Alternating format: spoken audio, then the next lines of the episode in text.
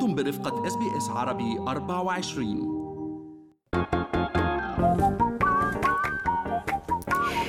شو في ما في من أستراليا وحول العالم بفقرة منوعات آخر فقرات. برنامجنا الصباحي Good Morning Australia وأنا بترا طوق الهندي. وأنا كريستال باسيل وبنبدأ مع أول خبر واللي هو فوز العراق واللي صار بطل للخليج العربي للمرة الرابعة بتاريخ البطولة. ومن فوز العراق يلي هيك آه، استحق هالكاس للمرة الرابعة آه، وأكيد يمكن كان عنا كتير تسليط الضوء على هالفوز تباعا بالحلقة. خلينا نحكي كريستال عن أليك بولدوين يلي يواجه تهمة القتل غير العمد بقضية الفيلم آه، يلي يلي هو كان البطل فيه. وبنعرف أنه بولدوين عم يواجه تهمة غير متوقعة كانت. بالفعل عم بيواجه الممثل أليك بولدوين تهمة القتل غير العمد بحادث إطلاق النار على المصورة السينمائية هالينا هاتشنز اللي قتلت بموقع تصوير فيلم Rust. بالفعل كريستال بولدوين كان عم يتدرب على المشهد بفيلم Rust. وقع إطلاق النار بمزرعة بنيو مكسيكو بأكتوبر تشرين الأول 2021 ورح يتم توجيه تهمة أيضا لهانا ريد مسؤولة الأسلحة بالفيلم. بالفعل ما حدا علق آه، منهم على الاتهامات آه، ولكن نحن بنعرف إنه آه، أعلنت مدعية منطقة سانتا في ببيان إنه سيتم توجيه الاتهامات بحلول نهاية الشهر.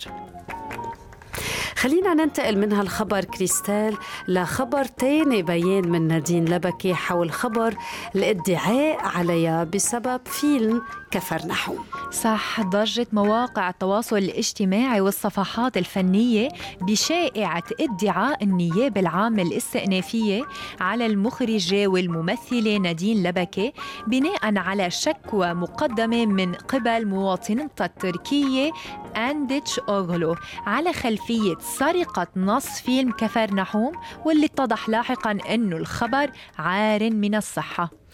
وكمان مكتب إعلام نادين لبكي آه، وجه بيان.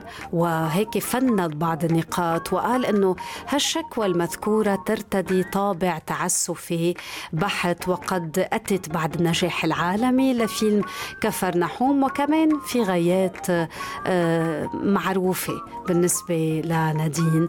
لم تتبلغ نادين ابدا لغاية تاريخ إعلان البيان. اي قرار يتعلق بالادعاء المذكور وأنه نشر خبر الادعاء عبر وسائل الإعلام بشكل يوحي أنه تم إدانة السيدة نادين لبكي ينم عن نية واضحة للمس والتشهير بسمعتها والحاق أشد الأضرار بها.